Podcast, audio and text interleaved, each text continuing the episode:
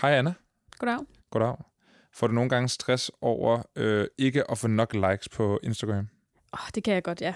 Ja. Mm. Hvor meget få likes for dig? Um, få likes er omkring 3.000, vil jeg sige. Ja. Um, hvis det er min private profil, det er jo sådan en helt anden snak. Altså, der er få likes, måske sådan 10 eller sådan noget. Okay, ja, men det, okay så kan vi godt tale sammen. ja.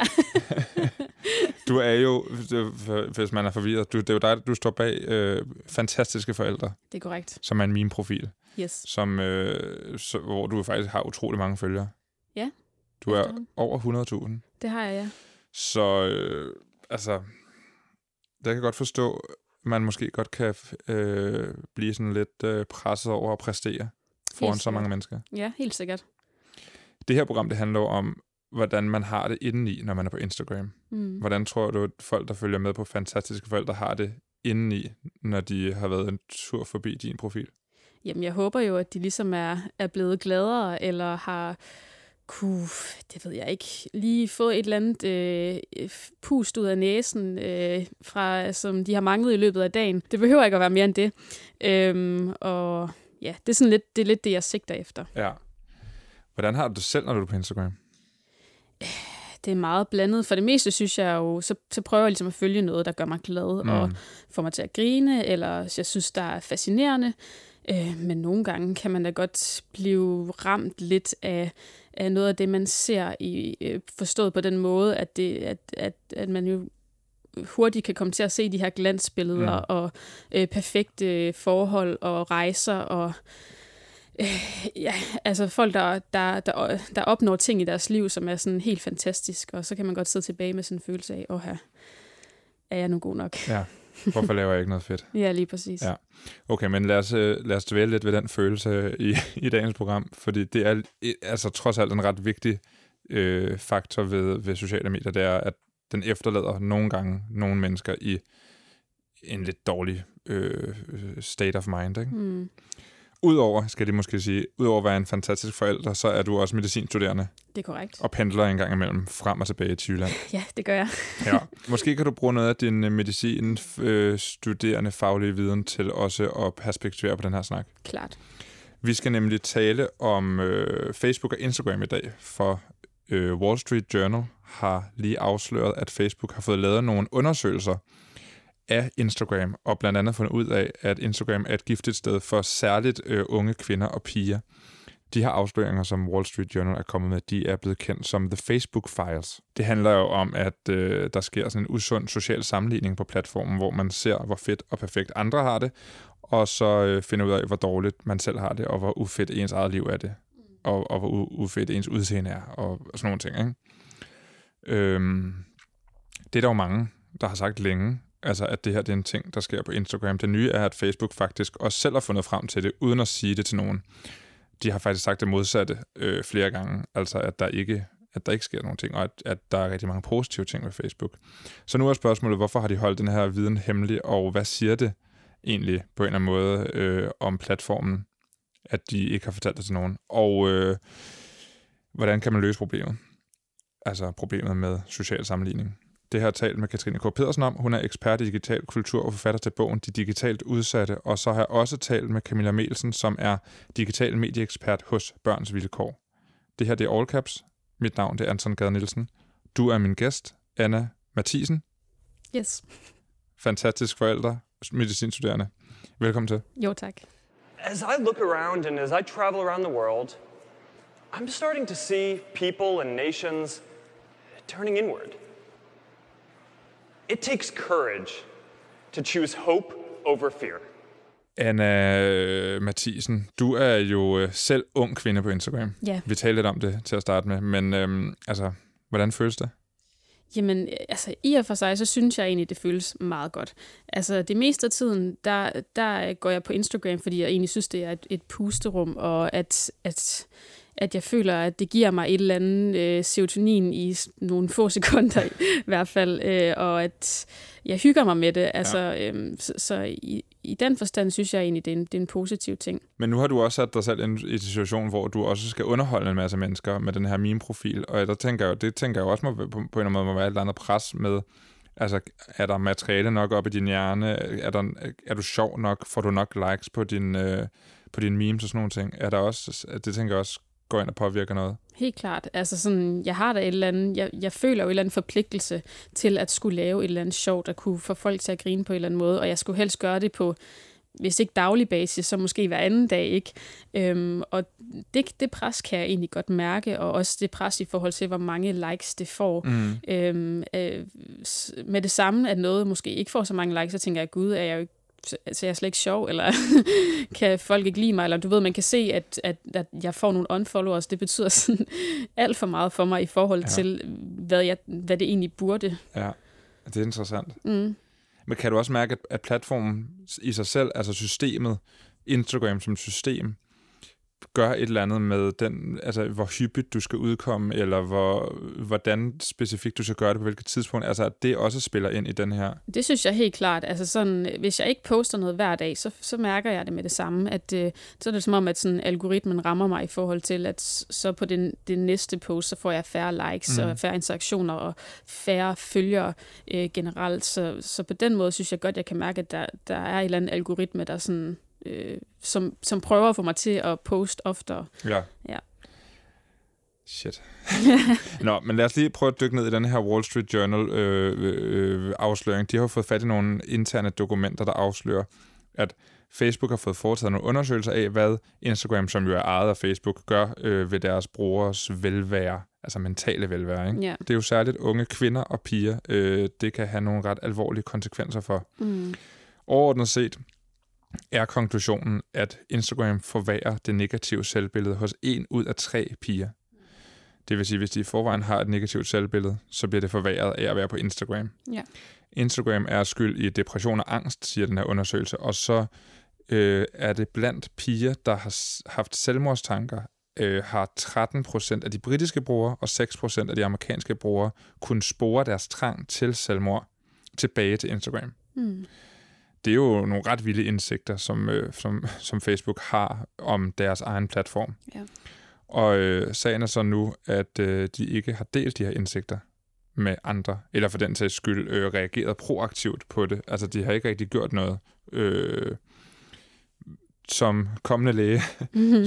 flittig Instagram-bruger. Altså, hvad, hvad tænker du om det her? Jeg synes at det er enormt skræmmende. Øhm, jeg synes at det er uhyggeligt at tænke på, at ikke nok med, at de har benægtet det, altså, men de også har tilbageholdt ikke? Altså sådan, øh, den her information, øh, som er enormt vigtig, mm. øh, også som læge, altså for at kunne finde ud af, hvad, altså komme til bunds i, hvorfor de her piger, de render rundt og har det, som de egentlig har det.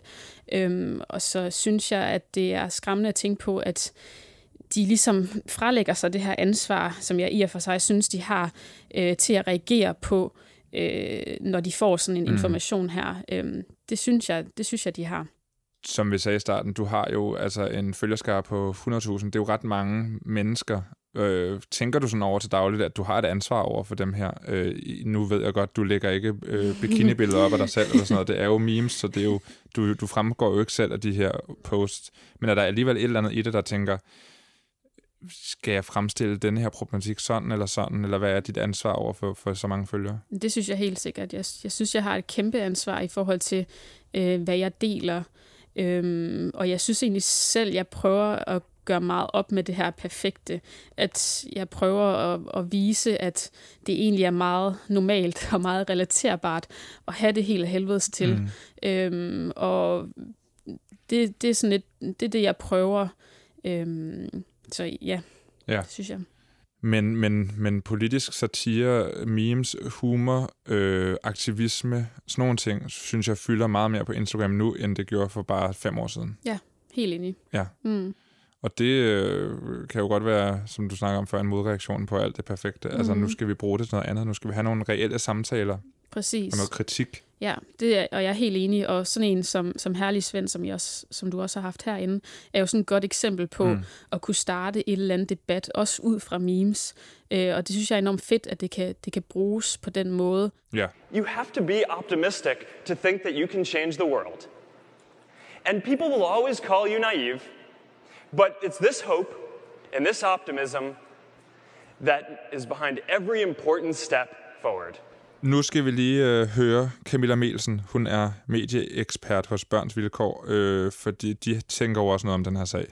Hej Camilla Melsen, du er digital medieekspert hos Børns Vilkår, og øh, har, ligesom jeg, fulgt en smule med i de her afsløringer af, det, af den her interne undersøgelse, som Facebook har lavet om, hvordan Instagram påvirker børn og unge piger primært. Ja. Du, du sidder jo i, i Børns Vilkår og kigger på, hvordan børn og unge har det, når de er på blandt andet Instagram. Er, altså, er der, er der et problem? Ja, der kan jo godt være et problem, og nu kan man sige, at i børns vilkår, så har vi jo, jo børnetelefonen. Øh, så når vi øh, er i kontakt med børn og unge om, om, om, om digitale problemer, så er det jo så er det jo fordi, der er noget, der, der ikke er, som det skal være. Så er det fordi, der, der kan være nogle problemer. Og nu ringer børn måske ikke altså, nødvendigvis specifikt med Instagram, men det vi hører, det vi kan se, er, det er at, der, at der kan være noget omkring... Øh, omkring netop det med krop, øh, og hvordan det er med og, og sammenligning, at vi kan, vi kan se, at, der, at Instagram kan være altså et sted, hvor man også kan få, der kan findes nogle netværk, som kan være dårlige for en, eller for skadelige. Det kan være noget om, ved, om selvskade, men det kan også være noget lidt mere, der handler om, om man, om man er inde eller ude af en gruppe, altså om man, altså om man bliver tagget, eller om man får, får like nok, eller om man er god nok. Øh, og det, det, kan vi, det er jo ikke fordi, det kun er på Instagram, men vi kan se øh, i blandt andet en undersøgelse, vi har lavet om krop, køn og digital adfærd, at, at, at måske særligt Instagram er et sted, hvor, hvor der hersker et, et perfekthedsideal, øh, som også kan gå ind og presse øh, børn og unge, og, og det vi kan særligt se det i forhold til unge piger. Så, så det flugter meget godt med det, som øh, Facebooks interne undersøgelse i virkeligheden siger? Ja, meget. Altså, jeg er faktisk, altså, jeg er, på det er jo desværre, kan man så sige, jo ikke overrasket over, at, at Facebook selv øh, er, er kommet frem med nogle altså findings her, der viser, at, øh, at Instagram kan have en negativ påvirkning af især unge piger øh, og deres syn på kan man sige, krop og mentale øh, helbred. Øh, det er noget af det, vi også skal se i børns vilkår. Det, jeg kan være overrasket over, eller i hvert fald ærgerlig over, det er jo det her med, at Facebook øh, holder kortene så tæt ind til kroppen, så, så, vi, så vi ikke har, har mulighed for øh, at, at få indblik i det. Så når vi laver undersøgelser om det, så er det, noget, vi, så er det jo vores egne data, vi må bruge, men at mm. vi ikke har fået adgang til det og få indblik i det før nu. Hvad, hvad, ja, og det er, jo ingen, det er jo stadigvæk ikke Facebook selv, der har offentliggjort det. Det er jo et læk. Øh, så hvad tænker ja. du, det er for et signal, Facebook sender ved at holde, øh, holde på sådan en undersøgelse her?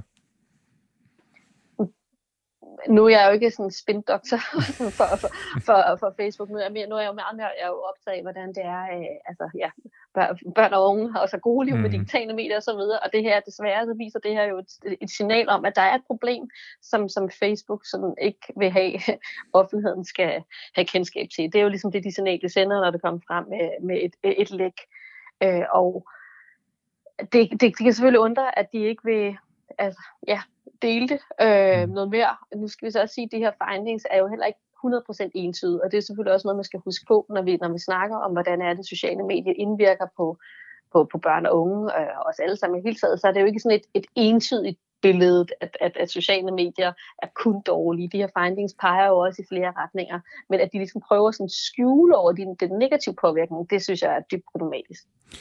Det er, jo, det er jo rigtigt. Facebook siger jo tit, øh, at der er rigtig mange positive ting ved sociale medier, og Instagram specifikt. Altså, øh, nogle gange lyder det lidt som om, at de synes, at de, alle de positive ting opvejer de negative ting. I har jo også hos Børns Vilkår øh, for ikke så længe siden afholdt en konference, hvor I blandt andet snakkede om alt det positive, øh, som mm. det digitale øh, kan, kan medføre børn og unge. Ikke? Det matcher jo på en eller anden måde meget godt den øvelse, som Facebook øh, laver med at fokusere på det positive. Øh, jeg, jeg, altså jeg, jeg kan godt forstå, hvorfor Facebook gerne vil fokusere på, på det, der er det positive, men, men hvad synes, hvorfor synes I, at det er vigtigt at kigge på de positive ting, når, når de negative er så, så voldsomme, som de er? Øh, nu valgte vi i en, en, en tre timer lang netværkskonference øh, med, med med en målgruppe, der især arbejder med alle de problemer, der er i det digitale liv, at fokusere på 10 minutter 10 minutter, hvor vi har fokus på, sådan, okay, hvad er alt det fede set i børnehøjde? Fordi det er selvfølgelig super vigtigt, at når man arbejder med børn og unge, at man ikke kun har den her, åh, oh, bekymrende, og hvad der er, altså man faktisk prøver at gå sådan mere nysgerrigt ind i det, og forstå, hvad er det, hvad er det fede ved det? For der er jo masser af ting, der er super fede øh, ved sociale medier og børnehøjde, så det er jo rigtig vigtigt, at man, øh, man, man kan forstå det.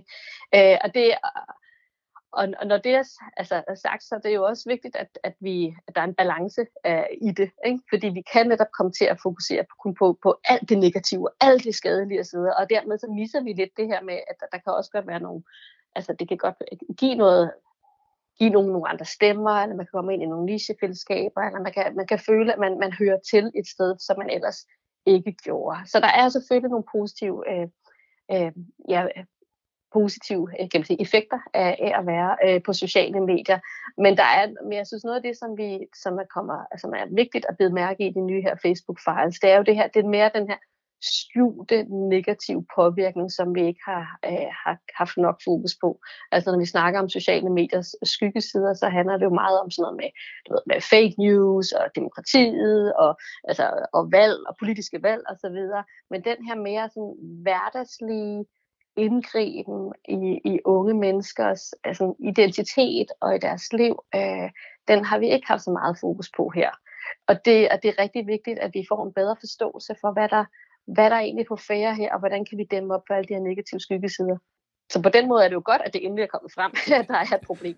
Æ, fuldstændig enig, og, og det, det, jeg synes også, det, det viser på, må, må, måske problemets øh, forhold meget godt, at de har brugt øh, to, to timer og 50 minutter på, på det negative, og så 10 minutter på, på det positive. Er det sådan, altså er det det forhold, vi er ude i, eller hvordan ser I det hos, børn, øh, hos børns vilkår? Altså nu er det så ikke to timer altså på det negative, men måske mere, hvor det behandler om det indsatser, hvordan er det, vi Klart. kan. Altså, vores, og vores, vores øh, virke er jo også at dæmme op for, altså at sætte ind med nogle indsatser, ikke? Ja, der, ja. Der, der, kan, der kan hjælpe børn og unge. Øhm, nej, vi, altså, jeg, vil ikke, jeg vil, kan jo ikke sætte det på en formel. altså, det er 10 procent øh, godt eller dårligt, eller, eller, eller så videre. Det tror jeg, det tror jeg slet ikke er muligt, øh, at man kan, man kan gøre det her. Men jeg vil gerne være med, altså jeg vil gerne understrege det her med, at, at sociale medier kan forstærke problemer, der allerede er. Ja, og det var en af, blandt andet en af de ting, Facebook siger, altså at, at det er et samfundsproblem først, og så er det, øh, og så sker det selvfølgelig også på Instagram. Tror du, at problemet med, med det her, som den her rapport peger på, altså at øh, en ud af tre øh, får det dårligere med, der, med dem selv på grund af Instagram blandt andet. Mm. Altså tror du, det ville eksistere og være lige så stort, som det er nu, hvis, hvis Instagram ikke fandtes? Mm der er noget i den her debat, der handler jo det her med, om, om hønen eller ægget, altså hvor det opstår henne, og hvad der forstærker det. Og når det handler om sådan krops utilfredshed, øh, øh, så kan det, er det nok svært at ensydigt at sige, om det kommer sådan fra Instagram, men det er i hvert fald, men vi kan jo så se, at det kan have en, accelererende effekt, kan man sige, eller det kan forstærke noget, noget der allerede er. I børns vilkår har vi også lavet undersøgelser af, hvordan, altså, i, i, hvor mange redigerer egentlig billeder, før de poster dem, eller hvor mange fjerner billeder, øh, øh, hvis de ikke får, log, får, får nok likes. Og i det kan vi faktisk se, at der er en sammenhæng med dem, der har en, kan man sige, en lav kropstilfredshed, øh, og, og, og også et lavt selvværd, og så dem, der faktisk redigerer billeder, før de poster, og også fjerner billeder, hvis de ikke får nok likes. Så der er noget om, altså, hvordan ens, du ved, ens, det, jeg kan jo så ikke sige, om, at, er det fordi du har lavt selvværd, at du, du fjernede det, eller, eller får du dårligere selvværd, fordi du er på, på sociale medier og, og skal redigere det. Men der er i hvert fald en, der, det er nok mere sådan en, en, en vekselvirkning, at du, øh, at det kan være, at du har en kropsudfridshed, og så bliver du så, det bliver forstærket. Alle andres liv ser måske lidt federe ud på Instagram end dit eget. Ja, og ens eget liv ser nok også bedre ud, end det i virkeligheden. Ja, præcis. Og der er jo noget omkring det her. Ender du, når du snakker om, i hvilken grad du redigerer dig selv, dit udseende, din krop, øh, din selvfremstilling i det hele taget, ender du så med i højere grad at kunne bedre lide dit, dit mm. online-jeg? Ja. Hvor, hvor, hvor, I hvor stor grad, jeg ved ikke, om du har indblik i, men i hvor stor grad kan unge øh, altså øh, sådan regne ud eller øh, gennemskue, at øh, det er en filtreret virkelighed, og at det, du ser på Instagram, ikke er, er virkeligheden? Børn og unge ved jo godt, det er en redigeret virkelighed. De ved godt, at, det, at, at ved, alle andre gør det, alle andre redigerer, og det er jo bare et udsnit af virkeligheden. Men derfor kan det jo alligevel ramme, og det vi også hører fra, fra, fra unge selv, er jo det her med, at de, der er nogle, nogle, nogle kropsidealer, nogle skønhedsidealer, som, som alligevel går ind og, og påvirker dem, og de i virkeligheden gerne vil være mere ligesom de der perfekte. Øh, og du ser piger, for det er i høj grad også det, vi hører. Altså man vil gerne se lidt ud som, som hende. Så der kan komme de her idealer, de sniger sig alligevel ind, men på måske en lidt mere skjult måde. Ikke? Her til allersidst, øh, hvis man sidder derude som bruger, og, og altså, det, man kan jo vente nok så lang tid på, at det bliver fikset fra Facebook, og det er jo ikke sikkert, at det nogensinde bliver det, eller at der kommer noget regulering. Men hvis man selv sidder som bruger og føler, at man er på vej ned i en negativ spiral på grund af Facebook, eller på grund af Instagram, hvad vil I så råde øh, mig til øh, at gøre, når jeg sidder på Instagram og har det på den måde?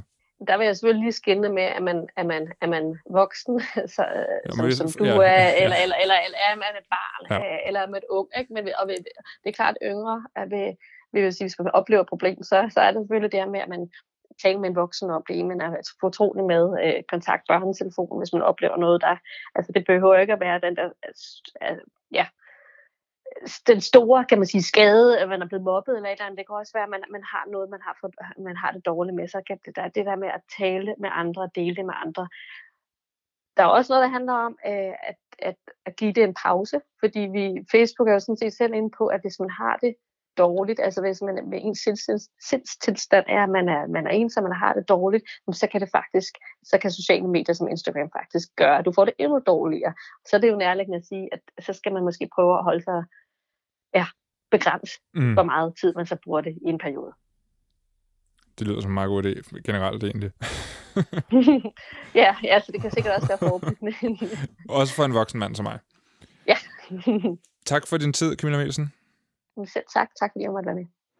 I hope that we have the courage to see that the path forward is to bring people together, not push people apart, to connect more, not less. Det var Camilla Mielsen fra Børns Vilkår. Du er jo øh, Cam- øh, Anna Mathisen stadigvæk med mig her i studiet. Ja.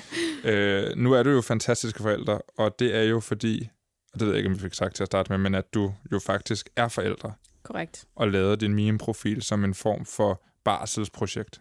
Det er helt rigtigt. Men det betyder også, at du har et barn. Det gør det. Og øh, hvordan har du det med, at det barn på et tidspunkt skal ud på sociale medier? Det har jeg jo sådan lidt ambivalent med. Altså, øh, jeg håber da, at jeg kan altså, øh, få hende til at forstå, at øh, der findes øh, profiler derude, som er opstillet, og som er, øh, hvad skal man sige, de her glansbilleder, som jeg også har nævnt tidligere. Og jeg vil prøve så vidt muligt at mm, ligesom opdrage hende i at kunne navigere rundt i det her kæmpe netværk af ting og sager. Øhm, men øhm, jeg synes, altså jeg er fortrøstningsfuld på den måde, at jeg synes, at selv de unge nu øh, i dag er rimelig kyndige i at kunne navigere rundt i, i mm. det her internet, og til at kunne øh, frasortere ting, som er, hvad skal man sige, ja, unødvendige. Så du, du er lidt fortrykningsfuld. Du tror, tror, du, tror du, det skal komme indefra? Altså tror du, det er de unge selv, der skal finde ud af at håndtere det, eller tror du, der kommer til at ske noget øh, mere sådan systemisk? Altså, jeg håber et eller andet sted, der kommer til at ske noget mere systemisk, for jeg synes, det er et enormt ansvar at lægge over på vores børn, øh, at de skal kunne øh, navigere rundt i alt. Øhm, så jeg håber da, at for eksempel Facebook vil tage det ansvar på sig og prøve at, øh, at bruge nogle af alle de penge, de tjener på at videregive vores andre information, øh, og så putte dem ind i, i netop at, at forbedre, hvad skal man sige, øh, forholdene på deres sociale medier. Øhm, for det synes jeg faktisk, de er, de er forpligtet til. Ja. Enig. Okay, men så nu skulle vi lige høre ekspert i digital kultur, Katrine K. Pedersen, fordi hun taler netop om det her, altså både øh, ansvaret, det systemiske, men også hvilke løsninger, øh, der måske kan være på det her problem. Yes. Det kommer her. Our lives are connected. We are one global community. Katrine K. Pedersen, du er ekspert i digital kultur og snart stamgæst i All Caps. Øh, men det er der jo en ret god grund til, øh, for du har ret meget styr på det. Man kan faktisk sige, at du har øh, haft et internetkørekort i rigtig mange år efterhånden. Øh, og så har du skrevet bogen De Digitalt Udsatte, hvor ordet indfødte er streget ud, og så står der udsatte nedenunder. Vil du ikke lige her, her til start lige kort øh, fortælle, hvad, øh, hvad handler den om? Jamen, den, man kan sige, den er et opgør med den myte, som er, som jeg ser, som er en myte, det digitalt, de digitalt indfødte Altså det her med, at vi på en eller anden måde har bildet os selv ind, at vores børn, de er født med nogle særlige øh, kompetencer mm. til at kunne agere i, det, i, i online-universet, øh, i, i stedet for at kigge på, at øh, det er måske nogle meget, meget intuitive teknologier, vi har med at gøre, som man selv kan swipe sig rundt i, når mm. man er to år. Grund til, at det er et opgør med den her myte, det er jo for, i bund og grund for at placere ansvaret det rigtige sted. Fordi hvis vi placerer det ved børnene ved at sige, det kan de fint finde ud af, jamen så har vi også øh, overladt det til dem selv, når det går galt. Ja. Det er, jo, det, kommer, det er jo i virkeligheden noget af det, vi kommer til at tale om nu, fordi øh, vi skal tale om den her afsløring, som The Wall Street Journal har lavet. Altså, øh, de har fået adgang til nogle interne dokumenter fra Facebook, øh, som blandt andet øh, viser, at Facebook har fået lavet en undersøgelse om, hvordan Instagram påvirker brugernes mentale velvære. Det er jo ikke en ny viden nødvendigvis, det Nej. her, øh, der kommer frem.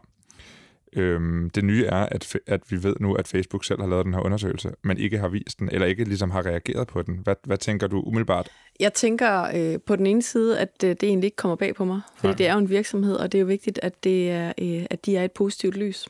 Øhm, fordi vi skal jo helst kunne have tillid til, når vi bruger de her kommunikationsteknologier, øh, at det er en, en tryg havn, og det er særligt et, et, et, øh, en, øh, en platform som Instagram er jo sådan et happy-go-lucky med pastelfarve solnedgange.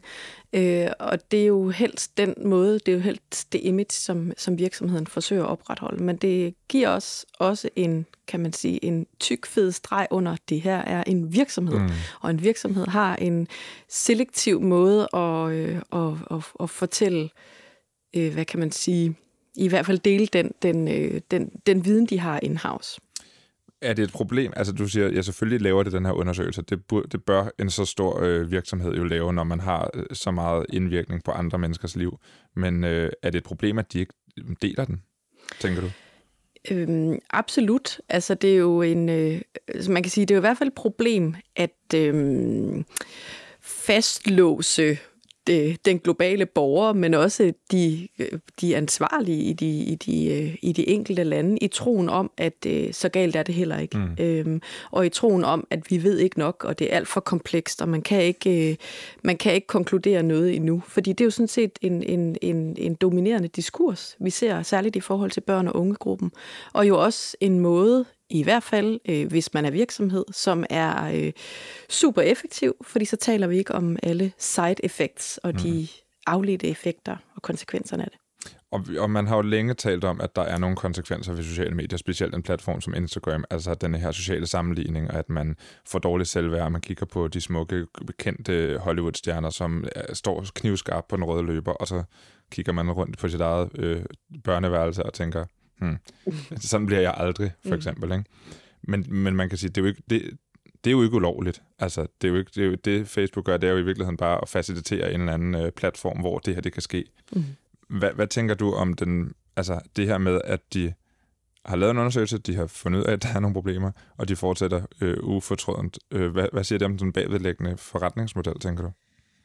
Jeg tænker i hvert fald, at der er nogle ting, som de helst ikke ønsker skal frem i offentligheden. Øhm, og, og en ting er det her, øhm, øh, det her problem med, at øh, man som en helt almindelig, øh, et helt almindeligt menneske, et helt almindeligt hverdagsjeg, en gang imellem slår sig på, på de her sådan meget perfekte øh, krops- og skønhedsidealer, for eksempel. Det, der jo sådan set er problemet ved den her algoritmiske kuratering, det er jo, at, øh, at, at, øh, at der er nogle bestemte krop, kroppe, nogle bestemte, øh, hvad hedder det, nogle bestemte måder at se ud på, som foretrækkes. Nogle bestemte hudfarver? Også nogle bestemte hudfarver ja. og nogle bestemte krops typer. Ja. Øhm, og, og der kan man jo sige sig selv, at hvis man hele tiden påvirkes, hvis man hele tiden slår sig på de her systemer, men samtidig også får anbefalet sådan en meget skinger øh, udgave af virkeligheden, mm. så giver det jo sig selv, at man at man på en eller anden måde bliver øh, øh, påvirket af det, forstået på den måde i hvert fald, at det er jo, hvor Instagram modsat sådan et, et, et, en platform som Snapchat eller TikTok for eksempel, er meget fokuseret på kroppe. Mm. Øhm, og det kommer nok ikke så meget bag på nogen, men jeg tror, at det, der er den store, det store nye i det her, det er jo, at, at virksomheden selv sætter ord på det, og selv ligesom er bekræfter, at jo, vi kan se, der er en effekt, og har denne her data til at kunne konkludere på baggrund. Og, og helt specifikt så er de faktisk klar over selv, at, at, øh, at det er anderledes på Instagram, end det er på blandt andet Snapchat og TikTok, som du siger, hvor Snapchat er mere øh, fjollet, øh, skøre øh, Ansigter. filtre, ansigter, og Primært. TikTok er mere underholdning og performance. Ja. Så, er, så er Instagram meget det perfekte og det Livsstil. livsstil. Øh, så, så, så det er faktisk et specifikt platformsproblem, og ikke sådan et social media problem. Nej, så kan man sige, så er der mange andre problemer forbundet med, med, Med anbefalesalgoritmer generelt, generelt kan man sige. Ikke? Øhm, Men lige her i forhold til sådan øh, velvære og, og mental øh, sundhed, udsathed i forhold Udsathed. til unge kvinder særligt. Ikke? ja. jo, så er Instagram i en genre for sig selv. Ja. Ja. ja. Det er jo i hvert fald, det konkluderer, det er jo i hvert fald konklusionen på baggrund af de her lækkede files hos ja. Facebook. Ikke? Ja.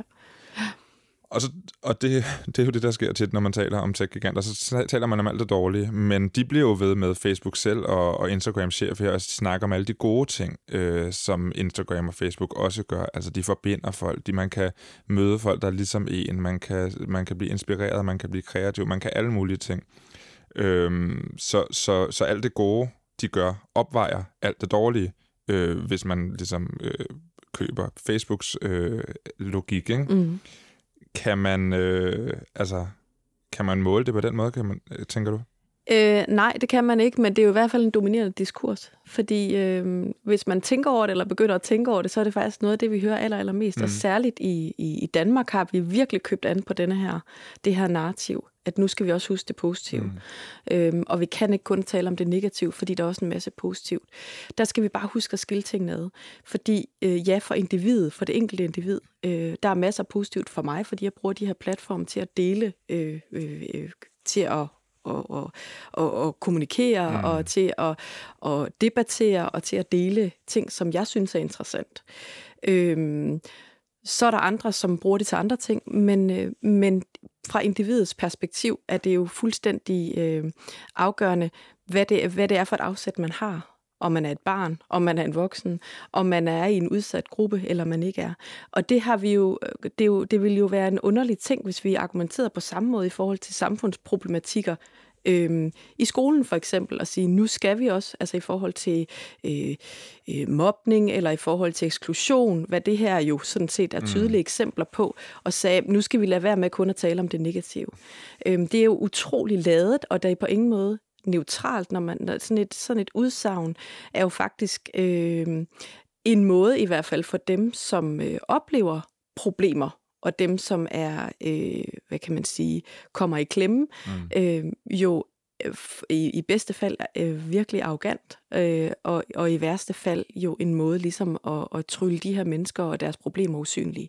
En anden, øh, et andet forsvar er jo også, at jamen, de her problemer med dårligt selvværd, eller øh, øh, selvmordstrang, øh, trang, eller øh, ja, øh, angst, depression, er jo samfundsproblemer, og ikke Instagram-problemer, men de er, eksisterer jo også på Instagram, fordi at øh, Instagram på en eller anden måde er en del af sam, øh, samfundet. Øh, men det er ikke Instagrams skyld. Øh, Nej, men det er også igen en måde at trylle teknologi neutralt, Ja. og det er det jo ikke. Det er jo virkelig kulturbærende, kan man sige, fordi øh, et, et, øh, en platform som Instagram, hvis man analyserer den ud fra sådan en, en, en, en kulturel analyse, en sproganalyse, så kan man jo hurtigt finde ud af, at det er faktisk et meget øh, et rum, som handler om eksklusion eller inklusion, som handler om, at man helst skal se ud på en bestemt måde, og for at få ligesom være en del af det her, øh, det- den sociale norm, der gør sig gældende der, så skal man have likes, ikke bare mange likes, men likes fra de perfekte, man skal helst ikke have kommentarer fra de uperfekte, så der er sådan nogle meget klare spilleregler, mm. som hvis man kigger på dem ud fra sådan en, en kulturel analyse, øh, en, en, øh, en værdianalyse, jamen så finder man hurtigt ud af, at det jo faktisk er et virkelig dysfunktionelt rum, man træder ind i, og så særligt, når man sætter strøm til ved algoritmer, som er med til at supportere denne her øh, eksklusionsmekanisme, mm. så er det faktisk ikke super svært at drage konklusionen, at der er nogle problemer, at det ikke er helt øh, tilfældigt, det vi ser øh, øh, debatteret lige nu. Ikke så meget i Danmark, men, men særligt øh, i USA. Ikke? Wall Street Journals øh, afsløringer her øh, peger jo også på, på algoritmen som en del af problemet, altså anbefalingsalgoritmen, både når du er på udforskdelen af Instagram, hvor du øh, får præsenteret meget mere af det, du i forvejen følger, men i virkeligheden også feedets øh, rækkefølge, som engang var kronologisk, men ikke længere er det. Nu er det, der ligesom er øh, hot topic i øverst, eller det de i hvert fald ved, at du vil interagere meget med, det er dem, du måske liker mest, eller dem, du kommenterer mest på, eller dem, du på anden vis interagerer mest med, de kommer til dig først, så, så, så det hele er jo bygget op omkring øh, meget mere af det, du bruger tid på til dig nu, i virkeligheden. Ikke? Jo. Men kan det også løses teknologisk, det her problem? Fordi øh, nu, nu hører vi øh, chefen for Instagram, Adam Mosseri, i, øh, i Recode Media, som er på en podcast, som Vox øh, producerer. Han sammenligner jo øh, problemet øh, med, med den her platform med bilindustrien. Altså at... Øh, biler er rigtig gode, rigtig praktiske. Vi er rigtig glade for, at vi har biler i verden, men der er jo også mange, der dør i trafikken hver dag. Og det er jo ligesom sådan en opvejning, vi må gøre. Skal vi tillade, at der stadigvæk er biler i verden, selvom der er nogen, der dør af, af, i trafikken?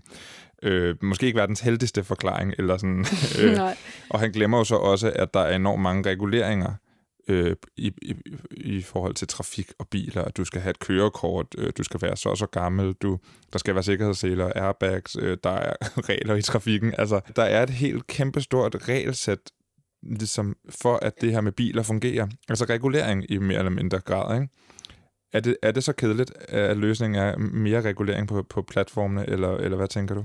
Altså, ja, det er jo, jeg tænker nu er øh, Instagram er jo et, et, et brand og et bestemt, øh, hvad kan man sige, en, en platform, som øh, for den enkelte øh, bruger af sociale medier jo konnoterer noget bestemt. Mm. Øh, det er livsstil. Så jeg tænker, at på den ene side, så hvis man sammenligner med et medie, øh, hvad det jo på ingen måde er. Det er et socialt medie, det er en platform, der er, er hvad hedder det, øhm, bundet af en algoritmisk kuratering. Men hvis man sammenligner med medier, så vil det jo være lidt det samme som at sige, jamen nu har vi alt for damerne her, men vi synes faktisk lige, vi skal have lidt mere nyhedsstof ind, og sådan lidt verden er alligevel øh, lidt mere kompleks end den fremgår at være i et øh, livsstilsmagasin mm. som alt for damerne. Så vi skal lige have lidt mere af, øh, vi skal lige mere have en nyhedssektion sådan indover. Altså det, handler, det, det, det er jo ikke nødvendigvis en, en strategi, som Facebook opererer med, at nu skal vi til at ændre på hele øh, indholdet på Instagram og hele den sådan... Øh, hele øh, imaget. Så det er sådan den ene del af det. Men den anden del er jo også, at øhm, forretningsmodellen ligger rigtig meget i denne her øh, øh, fear of missing out, kan man mm. sige. Ikke? At det her med, at vi er jo faktisk, at vi bliver jo på en eller anden måde, øh, som de selv beskriver, afhængige af at være fordi det er, en, det er en måde, hvor vi er, kan, kan mødes med flokken, det er en måde, hvor vi kan få anerkendelse, det er en måde, hvor vi kan også følge med i, hvad vores venner og dem, vi gerne vil være, være, være de grupper, vi gerne vil være en del af, hvad de laver. Så hvis man, øh, hvis man skal ændre på hele den struktur, så bliver det jo noget andet. Så, så øh, spørgsmålet er, om man overhovedet kan gå ind og, øh, og, og, og ændre på det, som det er nu. Jeg ved, at der er forskellige initiativer, som simpelthen øh, er at bygge helt nye øh, sociale mm. medier med helt nye øh, forretningsmodeller bag. Øh, jeg ved, øh, Mark Zuckerberg blev på et tidspunkt spurgt ind til netop de her problematikker. Øh, jamen, hvad hvis man forestiller sig, at det ikke netop er en forretningsmodel, der er drevet af det kommercielle, men i stedet for en public service? Hvortil han jo svarer, jeg forstår ikke helt spørgsmålet. Og det synes jeg et eller andet sted nailer det meget godt, at det er jo ikke det. Formålet er jo i bund og grund at få os alle sammen til at blive lidt længere, ligesom hvis det var et supermarked. Ikke? Lige nu, øh, så, så jeg læste en artikel i går om, at Douyin, altså TikToks kinesiske søster, har indført øh, børnelås, som gør, at hvis at brugere, øh, som er altså, 14 år yngre, de, øh, de bliver låst ud efter 40 minutters brug. Altså, så kan de ikke åbne appen før dagen efter, og, og det samme er, at om natten kan de heller ikke bruge appen. Det er jo sådan en meget konkret ja, det må man sige. Øh, løsning på et problem, som handler om, at øh, folk, børn bruger for lang tid på sociale medier. Altså, jeg synes jo, det siger rigtig meget om problemet. Ja. At det overhovedet er nødvendigt at lave sådan en lås. At man på en eller anden måde øh, er så øh, afhængig af, eller hvad for et ord vi skal bruge. Det er jo også et farvet ord i den her diskussion. Øh, men nu bruger Facebook det selv, så det tillader jeg mig at bruge. Øh, at man faktisk bliver nødt til på en eller anden måde at finde nogle restriktioner. Det er jo voldsomt. Mm. En, en af de ting, vi, vi, vi lige talte om, det er jo blandt andet likes. Altså lysten til at få mange likes, og det er jo en af de problemer, øh, hvis man ikke får nok likes, eller likes er de rigtige, jamen så kan det være, at man, øh, man føler sig mindre god end dem, der får rigtig mange likes. Mm. Øhm, og så en af de helt konkrete løsninger er jo at fjerne like, likes fra platformen.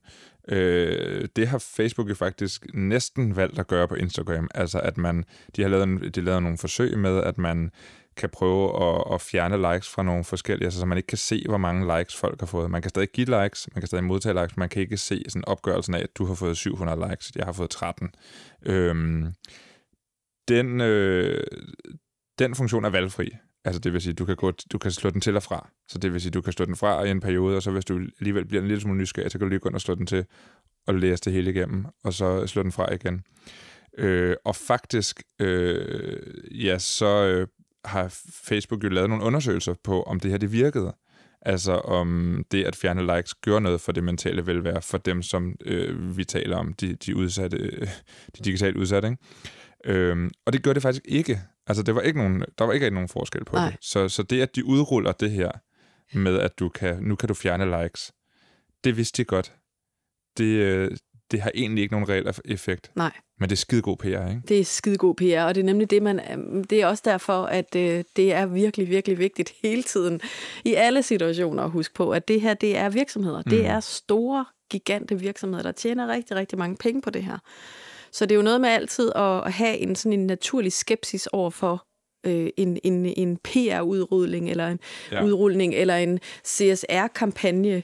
Øhm, Øh, og, og, og det tænker jeg, det er jo der, hvor vi på en eller anden måde i mange sammenhænge, øh, i hvert fald hvis man sådan laver en sådan overordnet analyse af den sådan danske øh, diskurs i forhold til øh, børn og teknologi, at så er det, det bliver meget en, en, en øh, altså vi er virkelig gode til at bare købe an på de her sådan øh, CSR-kampagner øh, og, og den PR, uden at forholde os kritisk til det. Og det er interessant, mm. fordi det er vi faktisk ikke i mange andre sammenhænge så er vi jo faktisk øh, gode til at forholde os kritiske, men vi har blind tillid. Det er fuldstændig afgørende, at der er en diskussion, og at vi debatterer, og at det er en del af den offentlige debat, mm. at vi forholder os til det her.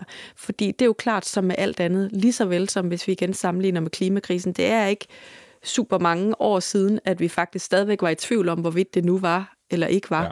Så det handler om, jo mere vi taler om det, mere vi debatterer det, jo mere oplysning selvfølgelig også, men helt klart også øh, debat. Ja jo mere bliver vi også bevidst, altså har man jo også en automatisk mere sådan en, en, øh, en digital bevidsthed, øh, når man agerer på de her platforme. Det tror jeg er rigtig vigtigt øh, for sådan øh, øh, for den almindelige øh, bruger af sociale medier, og at det ikke er farligt at tale om de her ting, mm. og det er ikke en til en, men der, der, igen, det handler om individet, ja, men det handler også om det strukturelle, og det handler om, at vi alle sammen som individer, og ligegyldigt om vi har de her problemer eller ej, øh, som konsekvenserne viser ved de her platforme, at vi forstår, at det er et fælles ansvar, det er et samfundsansvar, lige så vel som, som vi går til øh, udsatte borgere mm. i, den, i den fysiske verden, og historisk set har gjort. Tak for din tid, Katrine K. Pedersen. Tak fordi jeg måtte komme. It takes courage to choose hope over fear.